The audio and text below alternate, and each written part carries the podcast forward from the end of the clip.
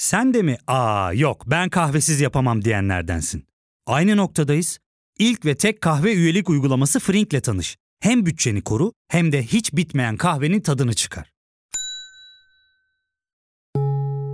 Yakınlarından terapinin onlara ne kadar iyi geldiğini dinlesen de kendin için bir şeylere başlamak zor geliyor olabilir. Ya da sevdiklerine yardım etmeye istekliyken kendi ihtiyaçlarını görebilmek. Hayvel, uzman psikologlarıyla kendi ihtiyaçlarını bulmanda sana destek olacak. Terapi yolculuğuna başlamak için detaylı bilgi bölümün açıklamalarında.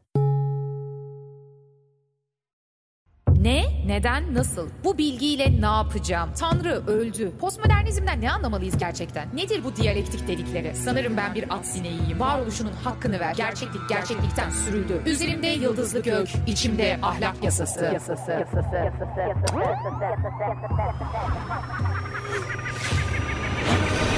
Dünyaya fırlatıldık.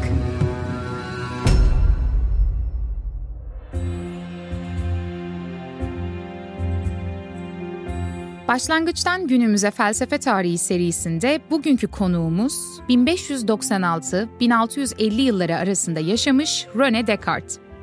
Descartes modern felsefenin kurucusu kabul edilir ve onun felsefesi de felsefeyi tamamen değiştiren entelektüel bir devrimin ifadesi olarak görülür. Özellikle şu birinci meditasyondaki skeptik argümanları ve akıl beden dualizmi anlayışıyla ünlüdür Bunlara dair daha önce hiçbir şey duymadıysanız da sorun değil. Descartes'i uzun uzadıya güzel bir şekilde konuşacağız.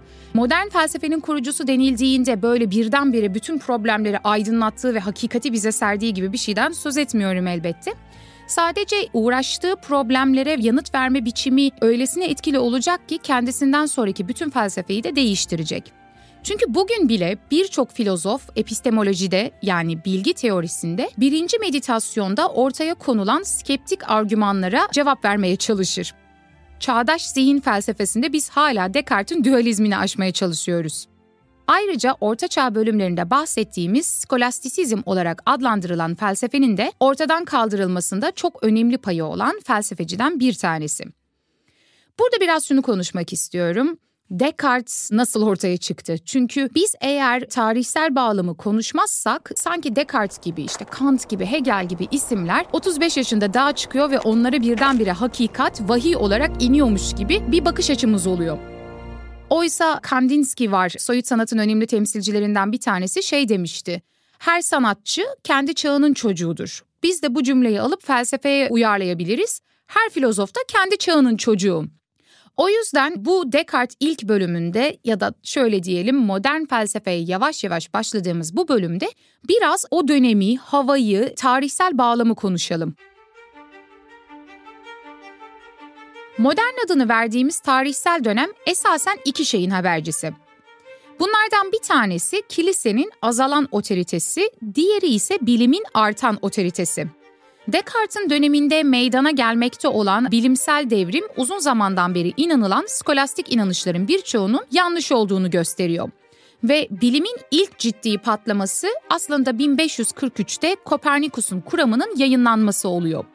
Dünyanın değil de güneşin sistemin merkezinde olduğu, gezegenlerin dünyanın etrafında değil aslında güneşin etrafında döndüğünü Dahası bu yörüngelerin de eliptik olması gibi bulgular dönemin düşünsel dünyasını derinden sarsar. Neden? Çünkü kabul edilmiş bilgilerin birçoğunun yanlış olduğu ortaya çıkınca insanlar içinde yaşadığımız dünyanın mahiyetine dair bile hiçbir fikrimiz yok diyor. Ve binlerce yıldan beri doğru olduğu sanılan pek çok şey yanlışmış meğer. Bu tarz keşifler gerçekten huzur kaçırıcıdır. Dahası bilginin imkanı konusunda insanların şüphelenmesine yol açar herhangi bir şeyden emin olabilecek miyiz peki? İşte bu soru Descartes'in 1641 yılında yayınladığı meditasyonların ilk sorusudur. 1644 yılında yayınlanan bir başka çalışması olan felsefenin ilkelerine yazdığı ön sözde ilk felsefeden kastının ne olduğunu bir metafor yardımıyla açıklar Descartes. Kökleri metafizik, gövdesi fizik ve gövdesinden çıkan dalların da diğer bilim dalları olan bir ağacın bütünü gibidir felsefe. Şimdi bu durumda siz maddi dünyaya dair genel geçer kesin bir teori ortaya koymak istiyorsanız, hani dallara gidecekseniz önce gövdeyi, fiziği ve onu da oluşturan kökleri metafiziği anlamanız gerekir. Ben sık sık şundan bahsediyorum. Konuya böyle bir parantez açmış olalım. Açıkçası bugün siz yaşamın anlamını arıyorsanız, biri size yalan söylediğinde ahlaki olanın ne olduğunu düşünüyorsanız, sabah uyandığınızdan gece yatana kadar hayatınızı anlamlandırmaya çalışıyorsanız, bu bile esasen bazı metafizik ön kabullere dayanmak zorunda. Çünkü varlığı nasıl anlamlandırıyorum? Ölümden sonraki bir yaşam var mı yok mu? Bunun gibi problemlerden sonra gündelikliğimizi kurarız. Descartes'in ne demek istediğini de bu bağlamda düşünebiliriz. Bilim yapmadan önce metafiziğe ilişkin bazı soruları yanıtlamalıyız. Maddi dünya var mı? Maddenin yapısı nedir? İşte bunlar Descartes'in ilk felsefe dediğim, Aristoteles'in de ilk felsefe dediği metafiziğin altın sorularıdır. Bunu bilim açısından düşünün. Bugün bilim insanları varlık var mıdır, madde var mıdır, evren var mıdır, evren gerçek midir diye sormaz. Ya da sorduğunda bu zaten bilimin sınırlarından çıkarak biraz daha felsefi bir araştırmaya döner. Varlığın veya evrenin var olduğu, ilkesel olduğu, dahası bunun bilinebileceği gibi ön kabullerin üzerine kuruludur bilim. Bu açıdan bakıldığında metafizik hakikaten de bilimden önce gelir ve bilime göre de daha kökensel bir sorgulamadır. Descartes işte bu kökene döner. Descartes en ünlü çalışması olan meditasyonları 6 günlük bir tefekkür sürecine tekabül etsin diye de 6 meditasyona bölmüştür.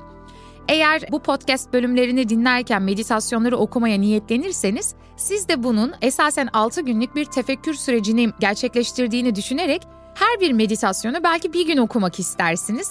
Çünkü Descartes'in gelecek bölümü bir hafta sonra olacak. Yani bugünden itibaren her gün bir meditasyon okursanız gelecek haftada tekrar üzerine birlikte konuşabiliriz diye düşünüyorum. Ayrıca burada tefekkür kelimesini de özellikle seçtim. Çünkü biz her ne kadar modern desek de Descartes'in modernliği bizim bugün anladığımız modernlikten biraz farklı. Onun yapmış olduğu düşünme biçimi aslında bir bakıma dini derin düşünmenin metodu. Bu yüzden tefekkür veya kitabın ismi meditasyonlar. Yani onun bir bakıma dini düşünmenin talimatlarını uyguladığını söyleyebiliriz. Zaten bahsettiğim bilimsel gelişmeler Descartes'in bütün dini inanışların oluşturduğu yapıların hayli şüpheli olduğunu düşünmesine yol açıyor. O yüzden birinci meditasyonda şöyle der. Eğer güvenilir olan bilimlerde herhangi bir şey tesis etmek istiyorsam, hayatımda ilk defa her şeyi tamamen yıkarak ta temelden yeniden başlamanın zorunlu olduğunu anladım. Bu kısım size biraz garip gelmiş olabilir ama gelmemiş de olabilir. Neden garip gelmiş olabilir diyorum? Çünkü Descartes'in çağdaşlarından Gassendi'nin Descartes'i eleştireceği noktalardan bir tanesi de bu bölüm aslında. Diyelim ki o dönem bazı bilimsel gelişmelerle birlikte kilisenin öğreti olarak sunduğu şeylerden bazıları yanlışlandı. Bildiklerimizden bir kısmı yanlışmış. Bunların gerçek olmadığını fark ettiniz. Bu durumda siz bütün bilginizden mi şüphe etmeye başlarsınız? Gassendi tarafından Descartes'e yöneltilen itirazların da temelinde de bu durum var. Bazı bilgilerin yanlış olduğunu fark ettik ama bu durumda neden elimizdeki bütün bilgileri çöpe attık ki şeklinde bir itiraz doğuyor. Descartes da bu itirazlara şöyle bir metaforla yanıt verir. Eğer birinin sepet dolusu elması varsa ve bazıları da çürümeye başlamışsa, çözüm bütün sepeti boşaltarak sepetin içine yalnızca iyi olanları koymaktır. Yani bu metot bize şunu söyler. İnançlara uyguladığımız zaman bu metodu şüphe edilecek her şeyden başlangıçta şüphe etmek, ta ki şüphe edilemeyecek bazı şeyleri bulana kadar. Bir sepetteki elmalardan bazıları çürümüşse benim bütün elmaları tek tek incelememe gerek yok. Bitmeyecek bir iş olan bütün elmaları tek tek incelemek yerine sepeti boşaltıp tüm bu inanışların dayandığı temel prensipleri incelememiz gerektiğini söyler Descartes. Bu anlaşılabilir bir durum. Çünkü sepette mevcut olan bilgileri ortaya koyan yetiler üzerine önce araştırma yapmalıyız diyor. Ve bu temel prensiplere geri döndüğümüzde eğer orada bir sorun bulursak bu defa da bilgilerin hepsinin yanlış olduğunu söyleyebiliriz. Ama eğer temel prensiplerde bir sorun bulmazsak ve orada bir çıkar yol olursa bu da bize bazı bilgilerimizin doğru olduğuna dair ipucu verecektir der. Bu durumda Descartes kendini naif bilgilerin altına oyacak bir skeptik olarak resmeder. İşte bu da bizi duyuların yanıltıcılığı meselesine getirir. Bundan sonrasını mantığın araçlarıyla argümantatif bir yapı içerisinde inceleyeceğiz.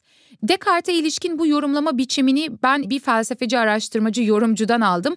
Açıklama bölümüne yazar ve kitabını da not olarak ekleyeceğim.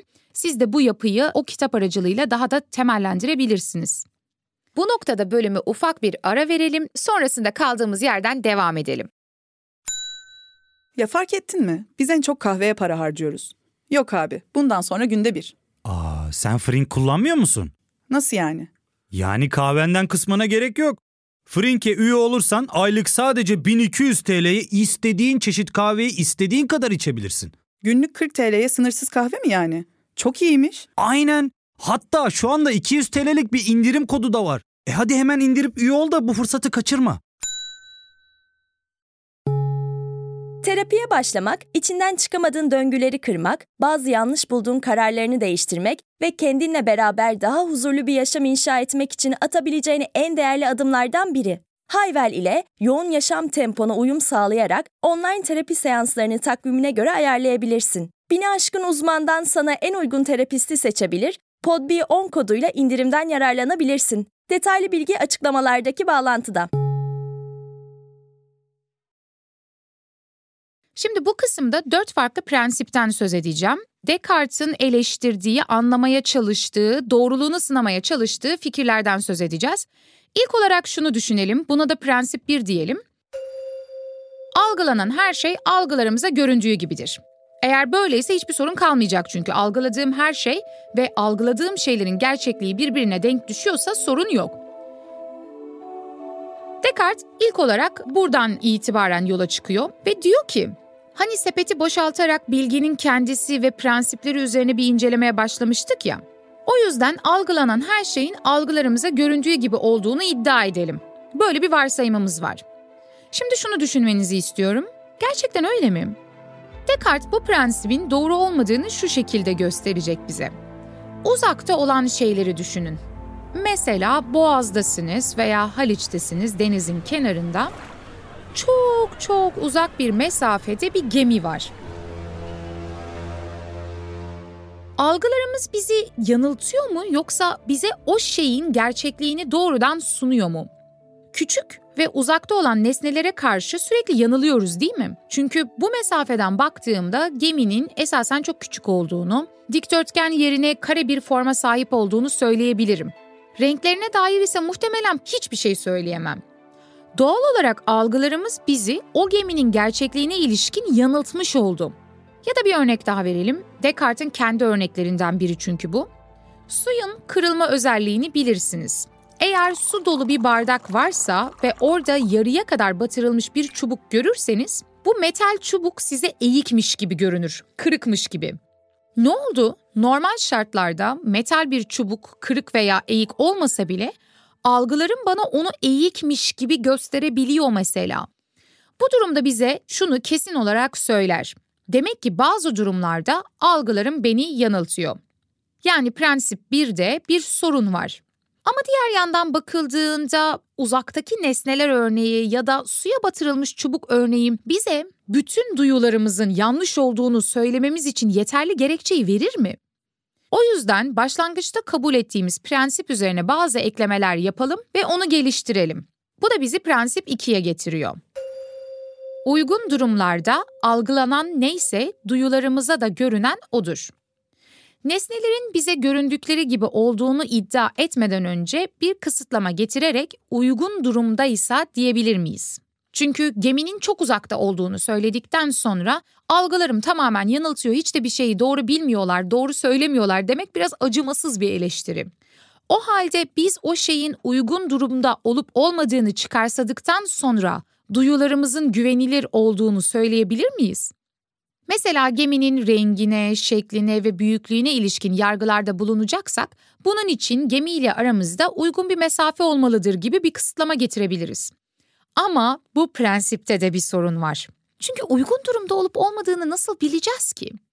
Algılama koşullarımızın uygun olup olmadığını söylemek için uygun durumda olup olmadığımızın farkına varabilecek bir kapasitemiz olduğunu iddia ediyor olmamız gerekiyor. Yani prensibimize bir ek daha yapmalıyız. Bu durum bizi prensip 3'e getirecek ama bu noktada bir soluklanmak için şunun farkına varmanızı istiyorum.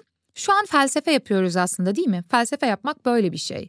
Yani salt böyle meditasyondaki gibi refleksiyonla, derin düşünme ile oturduk, algılarım üzerine, elimdeki veriler üzerine düşünüyorum, rasyonel bir şekilde eleştiri yapıyorum.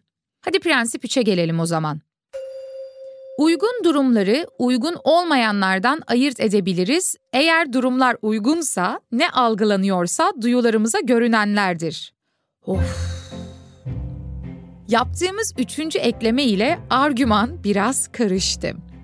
Uygun durumları uygun olmayanlardan ayırt edebilme kapasitemiz olduğunu söyledik. Sonrasında bu kapasiteyle uygun olduğumuz bir durumun farkındalığıyla evet evet bu uygundur gemiyle aramdaki mesafe iyi dedik. İşte bu durumda şeyler duyularımıza göründükleri gibi olabilir dedik. Ama yine bir sorun var. Çünkü bu defada uygun durumu uygun olmayan durumlardan gerçekten ayırt edebilir miyiz? Herkes bu kapasiteye sahip mi mesela? Descartes bu durumda bir deliği düşünmemizi istiyor. Bazı delilerin kendini bir kabak zannettiğine şahit olmuşsunuzdur mesela. Bu tür insanların duyusal inanışları durumlar uygun olduğunda bile çoğunlukla yanlıştır. Yani gemiyle aranızdaki mesafenin uygun olması yeterli değildir. Bu durumda şunu dememiz gerekiyor. Dışsal hiçbir engellemenin olmamasına rağmen algısal süreçlerde bazı içsel engeller vardır. Gördüğünüz gibi duyuların güvenilirliğini sağlayacak ya da duyularımıza güvenebileceğimizi iddia edecek bir prensibe hala erişemedik. Bu noktada Descartes artık şöyle bir şey söylüyor. Böyle insanlar akılları başlarında değildir ve onlardan bir şeyi kendime model olarak alırsam ben de aynı şekilde görüneceğim. Yani bu noktada da akılları başında olan insanlar ve olmayanları ayırt etmem lazım yoksa ben de bir deli haline gelirim.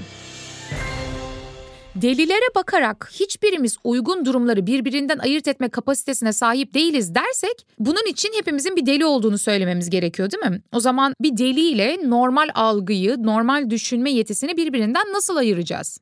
Bu noktada Descartes bir deli ile deli olmayan kişi arasında bir farklılık olduğuna göre güvenilir bir kaynak bulabileceğimize dair inancına devam ediyor. Ve bu da bizi prensip 4'e getirir. Uygun durumları uygun olmayan durumlardan ve yeterli algılayıcıları yetersiz olanlardan ayırabiliriz. Eğer durumlar uygun ve algılayıcı da yeterliyse, duyumsanan her şeyin duyulara nasıl göründüyse öyle olduğu söz konusudur. Başlangıçtaki prensip biri hatırlıyor musunuz? 5-6 kelimeden oluşan tek bir cümleydi. Ve neydi iddia? Nesnelerin göründükleri gibi olduğunu iddia eden basit bir prensibimiz vardı. Descartes ile birlikte felsefenin karşı çıkışlarını skeptik bir yolculuğu sürdürerek ne hale geldik. Ama çok üzücü bir haberim var. Prensip 4 dahi yeterli değil. Bu bile bize duyularımızın güvenilir olabileceğine dair bir ipucu vermedi. Peki buradaki sorun ne? Bu formülasyon içerisinde bunu kavramak oldukça zor farkındayım ama diyelim ki ben delinin tekiyim. Ama deli olup olmayacağımı da bilemeyecek durumdayım. Bazı deliler deliliklerinin farkında olabilirler ama sizin de bildiğiniz gibi pek çok deli deli olduğunun farkında dahi değildir. Ama benim prensibim ne dedi? Yeterli algılayıcıları yetersiz algılayıcılardan ayırt edebildiğim varsayımını. Aklı başında olan bir insan için bu geçerli ama biz duyulara güvenebileceğimizi söylerken bunun bütün insanlar için geçerli olmasını bekliyoruz değil mi? Evrensel bir sonuç ortaya koymaya çalışıyoruz. O yüzden genelleme yaparken bu prensip de elimizden gidiyor. Öyle görünüyor ki henüz duyuları savunacak bir prensibe sahip olmaktan çok uzağız. İçinde yaşadığınız, iletişim kurduğunuz, benim bu podcast'i kaydederken önümdeki bilgisayar, mikrofon, her şey ama her şeyin gerçekliğine dair şüpheye düşmüş durumdayım. Bu noktada Descartes de olayı öyle bir yere getiriyor ki tam bir krize dönüşüyor. Uyanıklığı uyuyor olmaktan ayırt edebilmemi sağlayacak kesin bir belirtinin olmadığını da çok açık görmekteyim. İşte bu felsefe tarihinin en ünlü şüphe argümanlarından bir tanesidir. Duyuların yanıltma ihtimalinden başlayarak geliştirdiğimiz argüman öyle bir noktaya ulaşıyor ki en sonunda biz yaşadığımız şeyin gerçekliğinden bile şüphe eder hale geldik. Belki de rüyadayım. Kimse benim şu anda rüya görmediğimi iddia edemez. Belki de gerçek olduğunu sandığım her şey her zaman bir rüyadan ibaretti. Peki şimdi ne olacak? Bu kadar konuştuktan sonra evet arkadaşlar siz bunu dinliyorsunuz ama belki de rüyadayız deyip konuyu kapatsam güzel olurdu bence. Ama tabii ki öyle yapmayacağım. Descartes hakkında konuşacağımız çok fazla şey daha var. Descartes 2 bölümü hatta belki Descartes 3 bölümü gelebilir ama bu rüya argümanına karşı çağdaş yanıtlardan bahsetmek istiyorum. Çünkü felsefe tarihi serisinde buraya kadar böyle sıkı bir şekilde takip ettiyseniz, böylesi bir felsefi ilginiz ve merakınız varsa muhtemelen bu da sizin aklınıza gelen şeylerden bir tanesiydi. Çünkü ben rüyamdayken de her şey oldukça gerçekçidir değil mi? Bazen rüyamızın içinde çığlık atarız, bazen ağlayarak uyanırız, acı çekeriz, kendi öldüğümüzü görürüz değil mi? Rüyanın içerisindeyken aa şu an ben rüya görüyorum demek oldukça nadirdir. O yüzden Descartes'in açtığı yer ve bizi bıraktığı yerin farkına varmanızı istiyorum. Şu an içinde yaşadığınız, sürdürdüğünüz hayatın gerçek olduğuna dair nasıl bir kanıtınız var? Bu kısmı biraz düşünelim. Peki Descartes gerçekten her şeyin bir rüya olduğunu mu düşünüyordu? Aslına bakarsanız Descartes şöyle söyleyecek. Duyularım ara sıra yanılıyor belli ki ve bu Tanrı'nın işi olamaz. Bakın birdenbire Tanrı çıktı hop modern felsefede ortaya değil mi? Çünkü Tanrı en mutlak ve en iyi olarak beni niye yanıltsın ki? O halde beni Tanrı yanıltmayacağına göre belki de duyularımın yanılsamasına yol açan güçlü ve aldatıcı bir cin var. Bu kısım beni hep güldürüyor. Modern felsefeyle ilgili bu geçişi özellikle anlatmak istiyorum, altını çizmek istiyorum. Çünkü biz bin sene süren bir orta çağdan söz ettik. İşte skolastik argümanlardan, kilisenin otoritesinin altında gelişen bir felsefeden söz ettik. Descartes bir kırılma anı ve bundan itibaren adım adım modernizm, aydınlanma, postmodernizm gelişecek. Ama sonuçta Descartes da Plüton gezegeninden dünyaya birdenbire 17. yüzyılda ışınlanmıyor. Yani Descartes'i Descartes yapan da o arkadaki ortaçağ skolastisizmi değil mi? Hala etkileri var. Çok modern bir tartışmaya başladı. Çok modern bir şekilde argümanlarını sundu. Duyularından, bedeninden, dünyadan şüphelenecek kadar ileriye gitti. Ama kanıt olarak kendini bulduğu yer Tanrı. Tanrı çok iyi olduğu için, mutlak güce de sahip olduğu için Tanrı beni neden yanıltmak istesin ki? Belki de kötü bir cin beni kandırıyor diyerek devam ediyor. Bu kısımda da şöyle bir şey söylüyor Descartes. Güçlü olduğu kadar da hilekar bir aldatıcı cinin bütün gücünü beni aldatmak üzere kullandığını varsayacağım. Gök, hava, toprak, renkler, şekiller, sesler ve bütün harici şeylerin birer yanılsama olduğunu farz edeceğim. Descartes bu soruyu sadece bu çerçeve içerisinde kalarak tam olarak çözemiyor. Çünkü iki tarafı var. Birinci kısımda şöyle diyebilirdi. Duyular yanıltıcıdır ve şu anda bir rüyadayım. Hop Matrix'teyiz, hiçbir şeyin bir anlamı yok, burada kaldık. Böyle bir yere varmadı. Ama bunun tam aksi istikamette şunu da bize sağlayamıyor. Şu an rüyada değilim çünkü şu yüzden. Bu da yok. O yüzden meditasyonların devamında Descartes şöyle bir yere gidecek. Duyular yanıltıcıysa ara sıra yanılabiliyorsam mesela çok uzaktaki bir geminin mahiyeti konusunda veya suya batırılan metal çubuğun kimi zaman kesik kırık gibi gözükmesi konusunda peki ben neden emin olabilirim? Yani bazı yanılsamalarım olduğu açık ama kesin olarak bildiğim bir şeyler olmalı ki bütün bilgi teorimi oradan yola çıkarak kurayım. Descartes bu defa bu soruyla yolunda ilerlemeye devam edecek ve sonunda da o çok ünlü argümanına varacak. Buraya kadar Descartes felsefesini oluşturan krizden söz etmiş olduk. Hepinizin beklediği o düşünüyorum, öyleyse varım argümanından gelecek bölümde söz edelim istiyorum. Çünkü işin içinden çıkamadığımız 60 dakikalık bir Descartes bölümü hem beni hem de sizi yorar. O yüzden gelecek bölümde bu problemleri nasıl aşacağını göreceğiz Descartes'in. Görüşene dek meraklı kalın.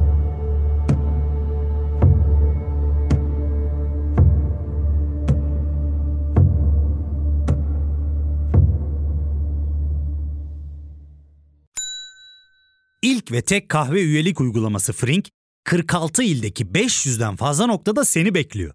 Açıklamadaki kodu girerek sana özel 200 TL'lik indirimden faydalanmayı unutma.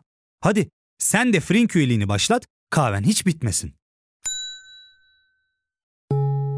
Hem bugününe hem yarınına katacaklarıyla terapi yolculuğuna ve daha iyi hissetmeye bugün Hayvel ile başla. Açıklamadaki linkten Hayvel'i indir, ücretsiz tanışma görüşmelerinin ardından bütçene uygun seans paketini seç ve terapi yolculuğuna başla.